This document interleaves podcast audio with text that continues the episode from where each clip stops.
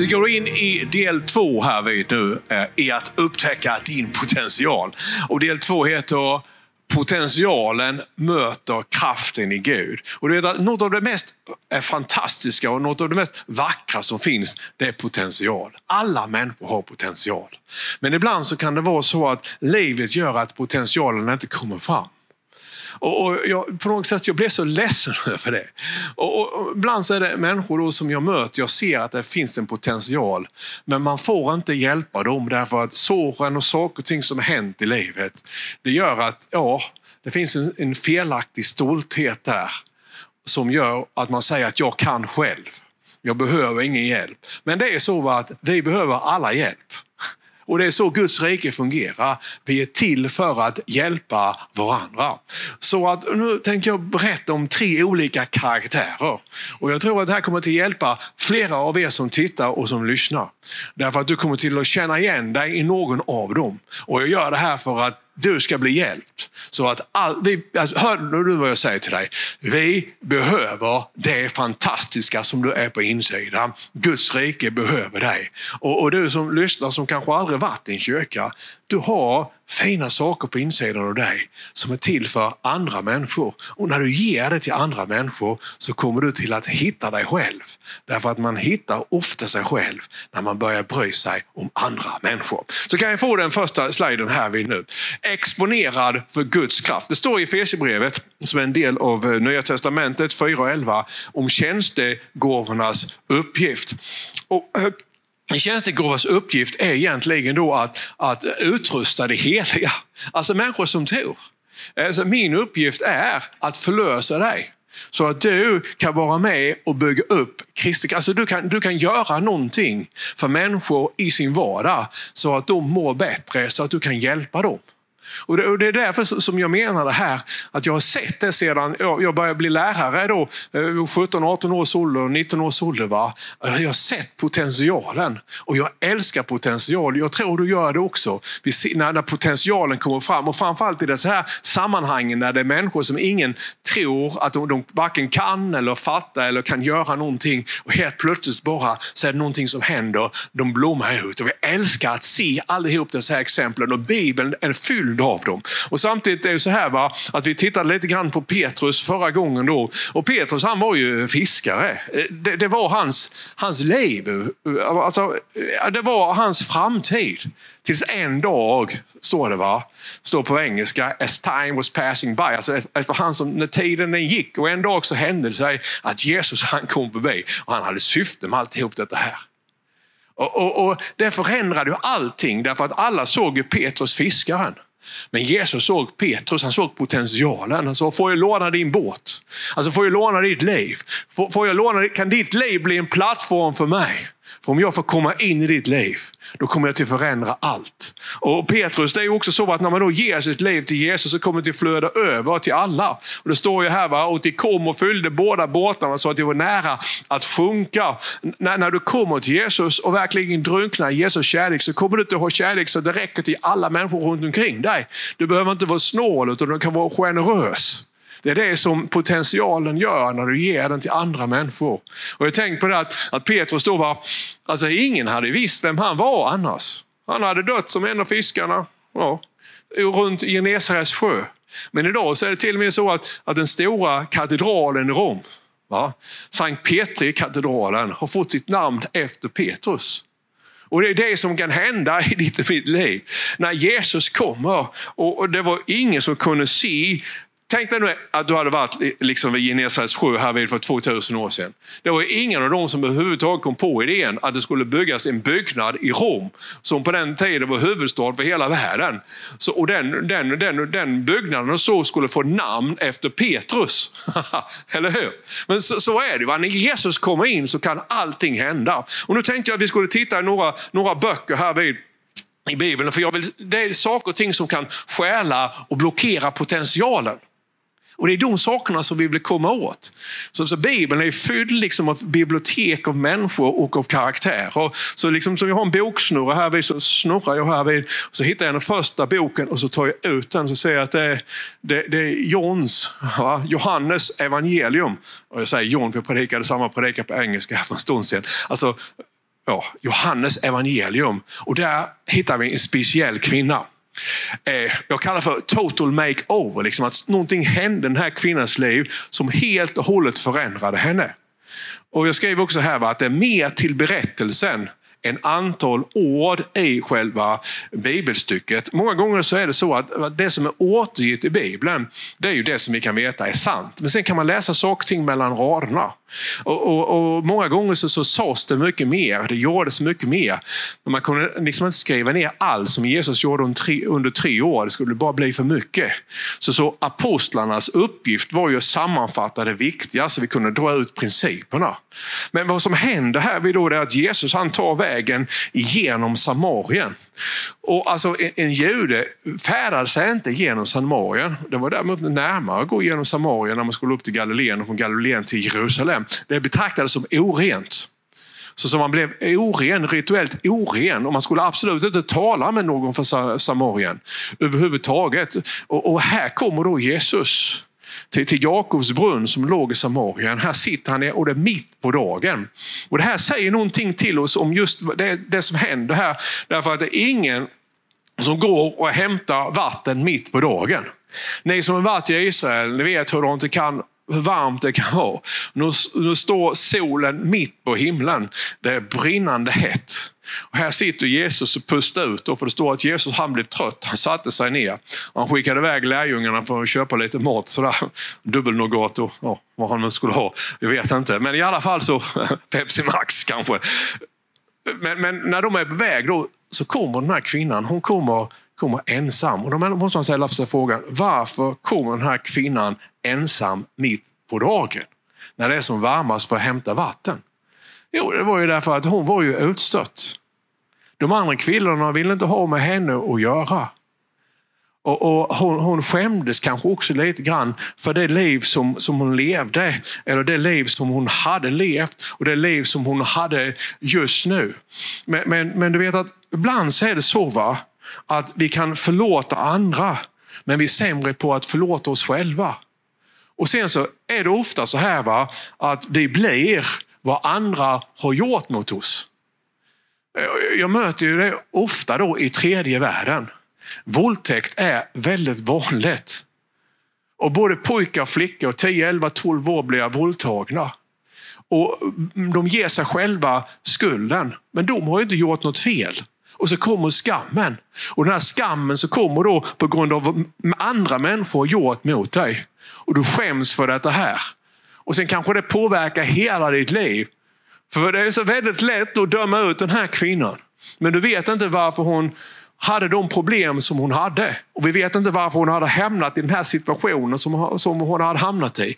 Kanske var det på grund av vad människor hade gjort mot henne när hon bara var ett barn. Så fick den här följden. Och nu kommer hon fylld av skam.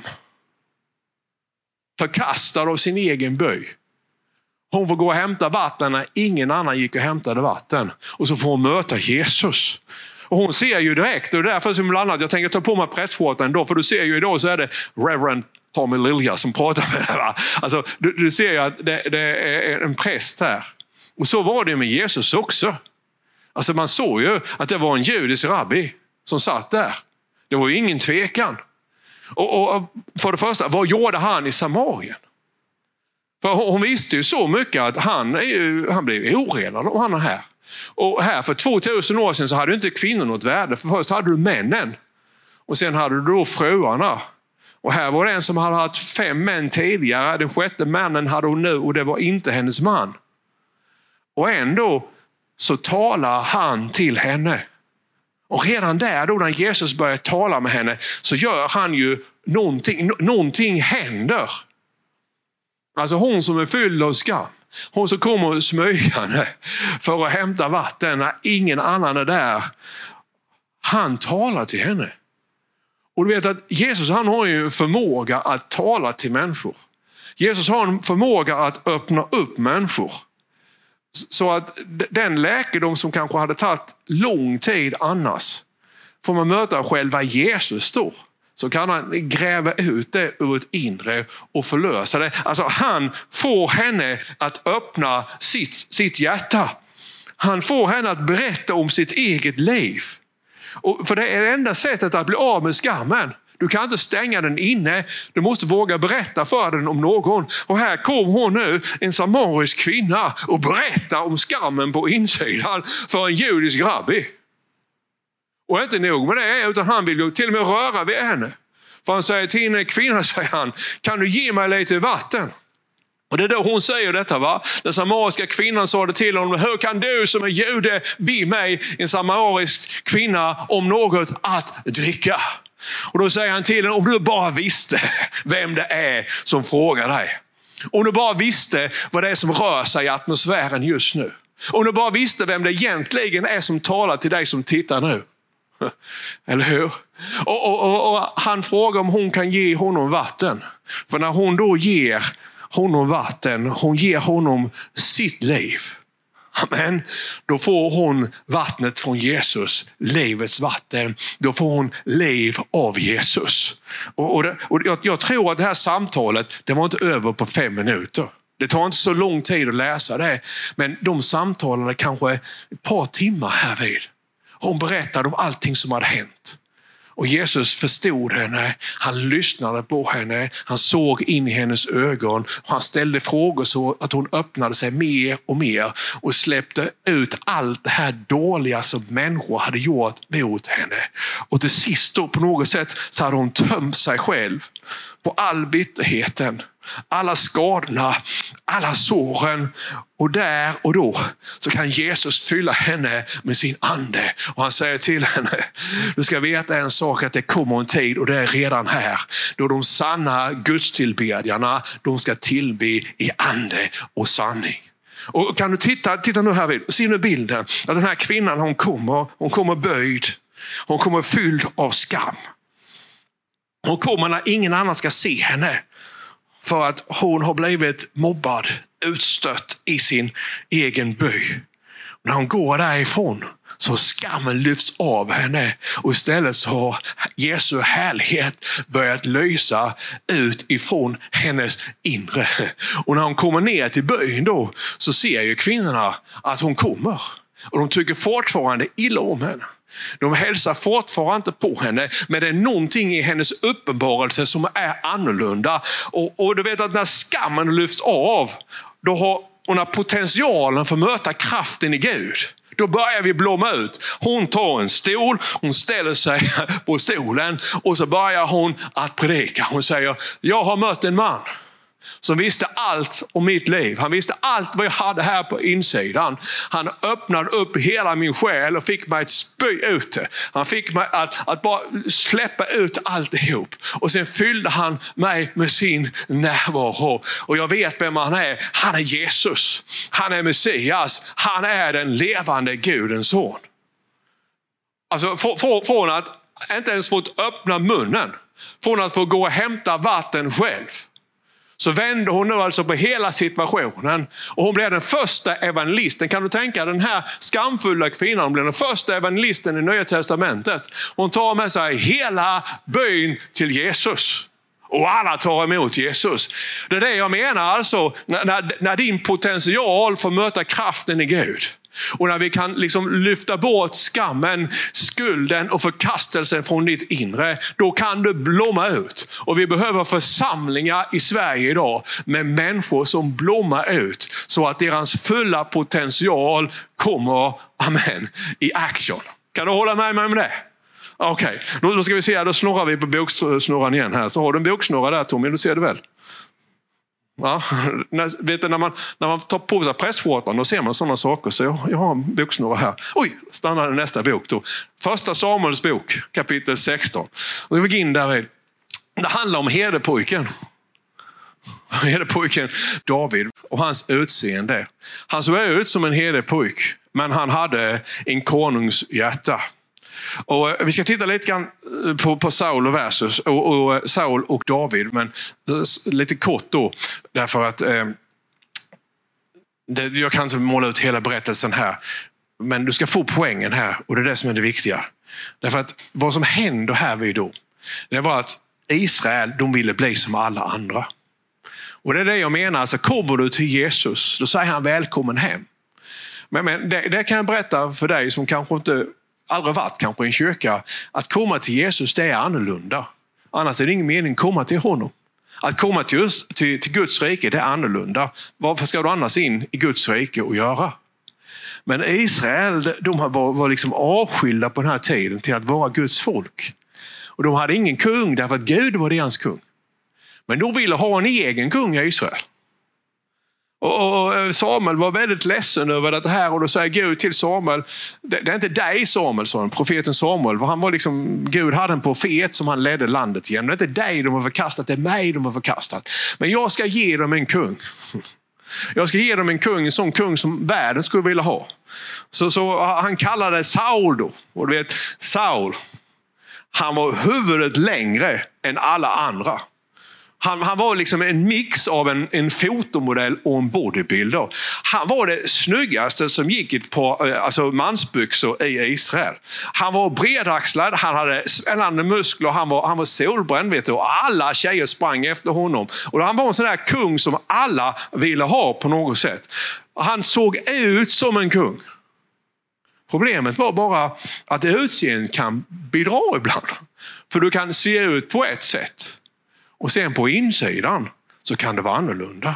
För det visade sig faktiskt att den här Saul då, han hade ju en del problem. Han, han hade den här envisheten som kommer av förkastelse. Och, och han, han var fylld av avundsjuka.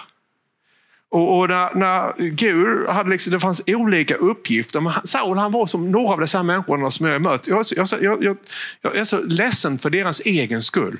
Han, han, var den här typen som jag hade också i en predikan. Alltså det så här, jag kan själv. Han blev fem år gammal och sa jag, jag kan själv. Jag har, jag har mött dem, här, Tommy, du kan inte lära mig någonting. Det handlar inte om att jag kan, att jag kan lära någonting. Det handlar om att, att jag är en av liksom de här gåvorna som Gud har gett till församlingen. Så jag, jag har det som en gåva, att hjälpa människor att förlösa deras potential, men du kan inte lära mig någonting. Och därför så ser jag ju människor gå genom livet. Jag ser deras potential. Jag vet att jag skulle kunna hjälpa dem. Men jag får inte. Därför att jag kan själv. Som var Saul. Jag kan själv. Och ni som kan den här berättelsen vet ju att David han ville ju ingenting hellre än att hjälpa Saul. David blev liksom general i armén sen här. Han vann slag efter slag. Och han gjorde inte anspråk på något själv. Han ville inget hellre än att bara vara generös och dela med sig till Saul. Men, men ju mer han delade med sig, desto mer avundsjuk blev Saul. Därför att jag kan själv. Jag, jag, jag kan själv. Samma sak när Petrus han hade eh, båten fylld med fisk. Det var många som inte kom. Det var på grund av skammen och avundsjukan och alltihop det här. Och så ska det inte vara i Guds rike.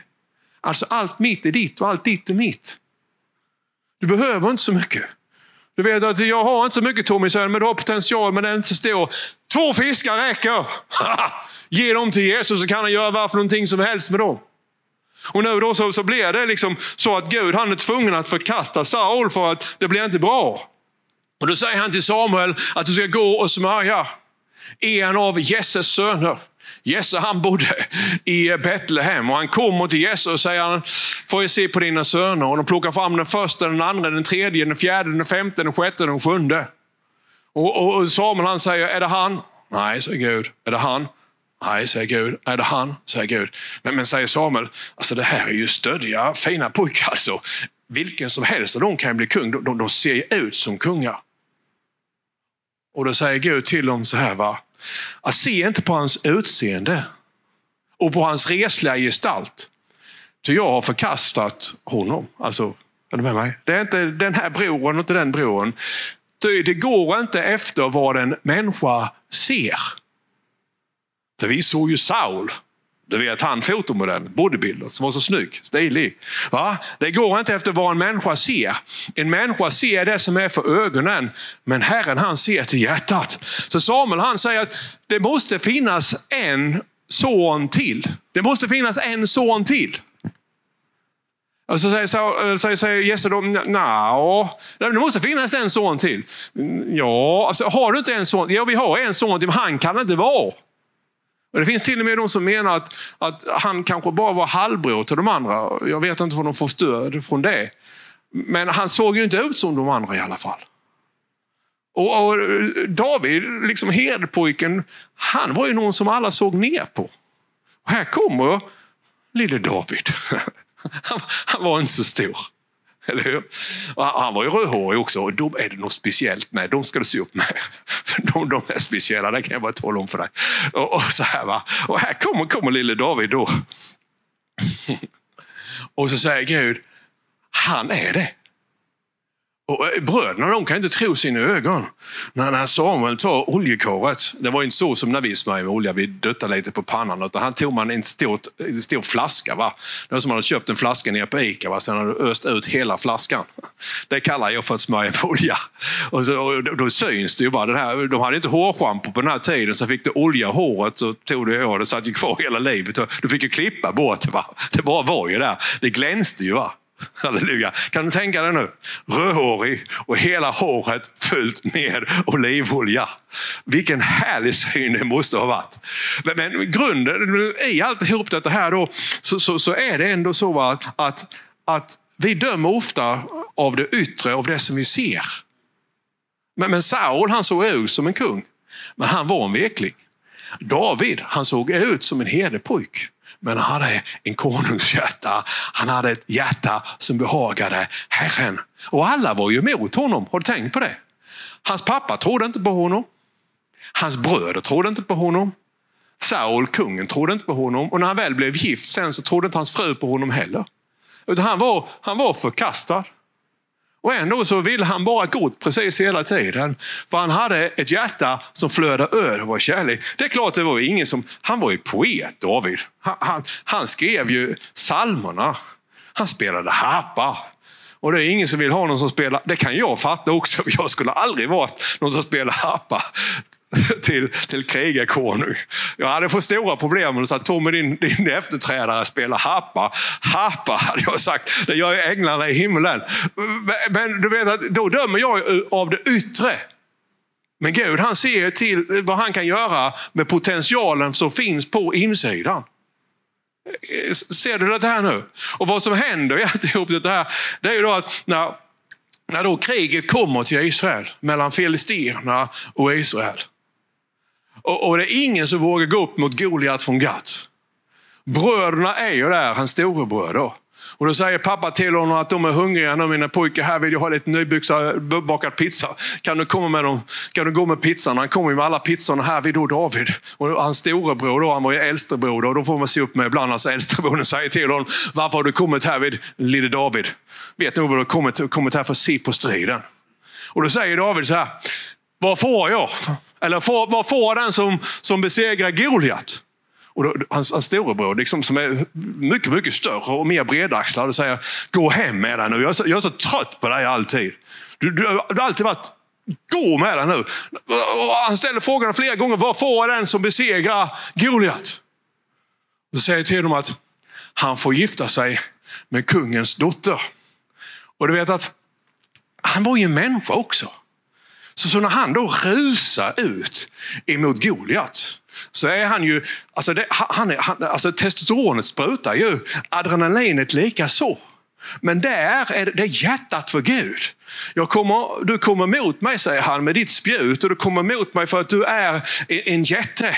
Men jag kommer emot dig i namnet Herren Sebaot. Halleluja! Och där då, förstår du mig, vad, vad är det nu som händer? Nu är det potentialen som börjar glöda. Nu börjar potentialen glöda och nu möter potentialen kraften i Gud. Och när potentialen då får möta kraften i Gud, det är det som besegrar Goliat. Så att du kan se ut på ett visst sätt. Du kan komma från fel plats. Och du kan ha alla odds emot dig. Det spelar ingen roll. Därför att det är inte din skicklighet som egentligen är avgörande i kriget. Utan det är att Guds kraft får komma över din potential. Hade David gått på vad bröderna hade sagt, vad pappan hade sagt, så hade han ju fortfarande vaktat får. Och det är det jag menar, du måste våga ta steget att utmana Goliat i ditt liv. För du vet aldrig vad som kommer till att hända när kraften liksom faller över potentialen i ditt liv. Saul han, han brann och fortsatte. Liksom, titta på Saul här. Jag vill bara ta det här exemplet också igen. Va? För Saul skulle kunna sagt, det är fantastiskt att jag har fått en sån medarbetare som David. Tänk, tänk själv att ha David vid din sida. Och trots att Saul försökte döda honom så skulle aldrig David burit hand mot Saul. Och vi kan läsa det i historien, för han hade chansen. Han rörde inte vid Herrens borde, står det. Tänk, vilka, tänk in i situationen och vilken medarbetare hade han inte heller. Hade han inte. Men han, han, han lyckades inte knyta den här medarbetaren till sig, Saul. På grund av att han var så himla fylld av sig själv och sitt ego, av avundsjukan, förkastelse säkert också av olika anledningar. Och den här envisheten, jag kan själv. Hade han tagit David till sig så skulle Saul istället kunna gå till historien som en av Israels absolut största kungar. Nu blev han istället den som gjorde bort sig. Och det menar jag också med människor runt omkring sig. Jag ser potentialen ibland och jag får inte hjälpa. Varför är det? Jag kan själv. Ja, men det handlar ju inte om att, att jag är bättre än dig. Det handlar om att vi förlöser varandras gåvor. Det handlar om att den fisk som är min båt kan flöda över till dig. Så kan den fisken som är din båt flöda över i min båt. Amen. Det är det som är Guds rike. Och det är så att, det, det, det är så att Gud delar inte sin ära med någon. Så om jag skulle få hjälpa dig så kommer Gud ändå att se till att slutändan, det är han får äran i alla fall. Så vi behöver inte tänka så. Vi är alla tjänare där vi hjälper varandra. Vi är lemmar som är till för varandra. Okej? Okay? Kan vi ta en bok till? Jag får leta här. Så. Det, det finns en till. Kan vi ta det? Jag snurrar på snurran här. Det kan du bara göra om du har prästkappa på dig. Så, där stannar jag. Vad är det då? Det är Genesis heter den på engelska. Första Mosebok. Ska vi se om vi hinner igenom den också. Och jag, ska, jag, ska, jag ska tala om Mose på ett sätt som du kanske inte hört någon tala om Mose tidigare. Va? Jag ska tala om, om hans potential och hur potentialen kommer ut ur elden. För, för, han var ju egentligen, om man tittar på den här situationen och inte romantiserar den. Han var övergiven. Han var föräldralös. Alltså, det var hans, hans föräldrar var tvungna att liksom ge bort honom. Bara. Han var ett hittebarn. Alltså, vi, vi, vi, lyfte upp hans mamma. Hon var säkert en fantastisk mamma. Men det är klart, vad är det för mamma som skickar ut sin pojk i en liten korg på Nilen som är fylld med giftormar och krokodiler? Jag, jag säger inte mer nu, men, men liksom om vi tittar i berättelsen. Det är alltid mer till berättelsen än antal ord i Bibeln. Och han var förkastad, utstött, han var inte en av dem. Han var en stammande flykting utan självförtroende. Därför att när han blir 40 år gammal då, och han slår ihjäl en människa, så flyr han. Men om han verkligen hade varit kunglig så hade inte han behövt fly. Därför att farao och de runt omkring, hans, hans, hans, de som var söner av hans blod. Alltså liv var inte mycket värt för dem. Utan det var ju därför att, att Mose, liksom, han växte upp där, men han var ju hybrid. Det var inget egyptiskt blod i honom. Han visste ju att han inte tillhörde dem. Han, han, han växte upp med den här känslan att inte höra till. Han växte alla visste ju att han var ett hittebarn. Om inte en av prinsessorna, förmodligen som var barnlös då, hade, hade liksom, hennes modershjärta hade liksom, eh, på något sätt blött för Moses så hade han kanske blivit krokodilmat. Och sen så flyr han ut i öknen och vi säger till och med det är fantastiskt. Och några säger att han fick 40 års prinsutbildning. Det tror jag inte. Och sen fick han 40 års utbildning i öknen. Det tror jag inte. Jag tror att Mose han, han flydde för sitt liv. Jag tror att han, var, han kände förkastelse. Han, han, på något det som hade hänt honom. Att han aldrig blev sedd. Men ingen som lyssnade på honom. Det, det, det, det, var därför som, som, som, som, som, som, som, som, som, som, som, som, som, som, Mose stammade. Därför aldrig någon som lyssnade på, på, på, på Mose. Och när han fick fly ut i öknen så var det ingen som, som, som, som, som, som lyssnade på, på, på, på, på, på, på honom heller. Förrän det var en som lyssnade på honom. och det var Gud. Det här är bara för bra. Och en dag när han är 80 år gammal, käre Gud, det är 20 år till Tomelilja. För 80 år gammal så står det här i Andra Mosebok 3 och 2 va? att eh, där så uppenbarade sig Herrens ängel för honom i en eldslåga som slog upp ur en buske. Och han såg att busken brann av elden utan att busken den brann upp. Och jag menar, ibland så måste du och jag, vi gå igenom elden. Och när vi kommer ut elden så är det som är äkta kvar. Och Gud han säger till Mose, ta av dig sandalerna Mose, säger han. För platsen som du står på, det är helig mark. Och när, när Mose, lyssna på mig, för det är det som händer här. Va? Han hade potentialen. Han hade det på insidan. Men livet hade gjort att det var totalt omöjligt att se hos den här snustorra gubben av skinn och ben, 80 år gammal med ett långt grått skägg. Du vet att de här ögonen satt nära, de var bak i nacken. Va? Och här kommer elden. Men han, och han har varit jagad av farao i 40 år. Men när han kommer ut ur elden, lyssna på mig, då, då, då, då, då har han förvandlats. Därför potentialen har mött kraften i Gud. Och han går från att vara den jagade till att bli den som börjar jaga. Amen. Han går ifrån att vara den som har flytt till den som attackerar. Och det är det som kan hända när du och jag vill få möta Gud.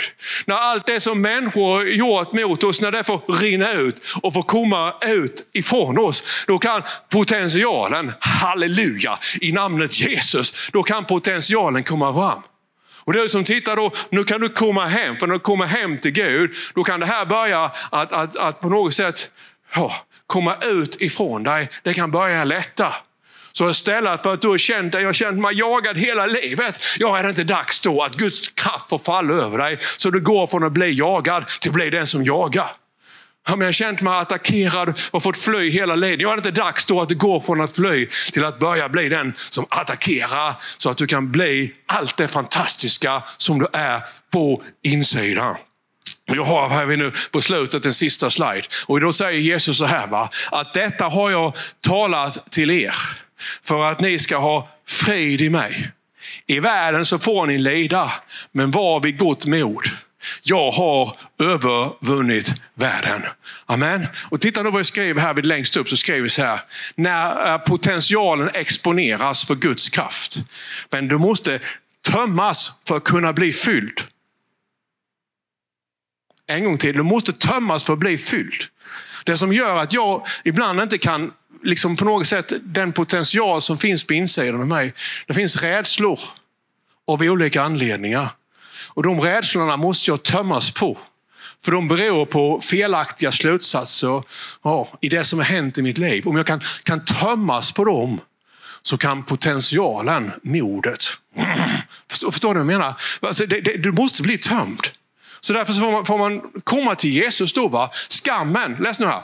Titta nu här. Skammen, förkastelsen, stoltheten, avundsjukan, bitterheten. Va? Ta första steget idag och släpp ut det som gör att din potential inte kan blomma ut. Därför att det tar så mycket plats på insidan av dig. Men om du tömmer dig på det, och det kan man göra på flera olika sätt som jag inte går in på nu. Men om du kan börja tömma dig på de sakerna, då kan något annat flytta in istället. Och det är Gud. Och då kan din potential få möta kraften i Gud. Och när din potential får möta kraften i Gud, då blir det kanske så att nästa katedral som du bygger, den får ditt namn.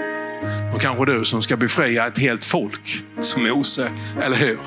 Eller kvinnan då, som går ner fylld av Jesu härlighet och vinner hela sin by för Jesus Kristus. Jag har sett det här. Det här är inte nu bara som jag predikar. Jag har sett det ske om och om och om och om igen. Och jag har en fråga till några av er. Varför får vi inte hjälpa dig? Kan du inte göra upp med det som gör att du inte vill få någon hjälp? Eller du som tittar, tittar nu och säger Tommy, jag, jag har skam. Ja, jag vet det.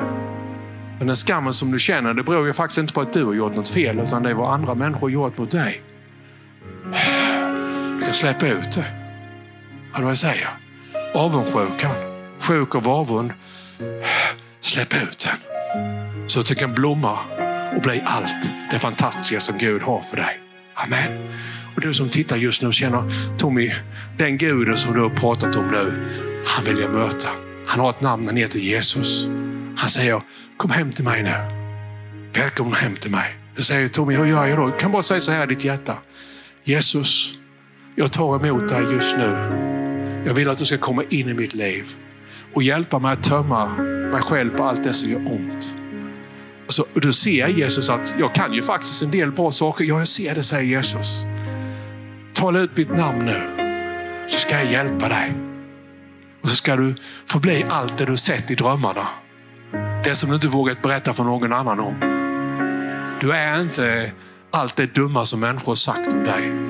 Utan säger Jesus, jag ser dig nu. Du är någonting fantastiskt. Och tillsammans, när jag får fylla dig, så kan det bli allt det fantastiska. Amen.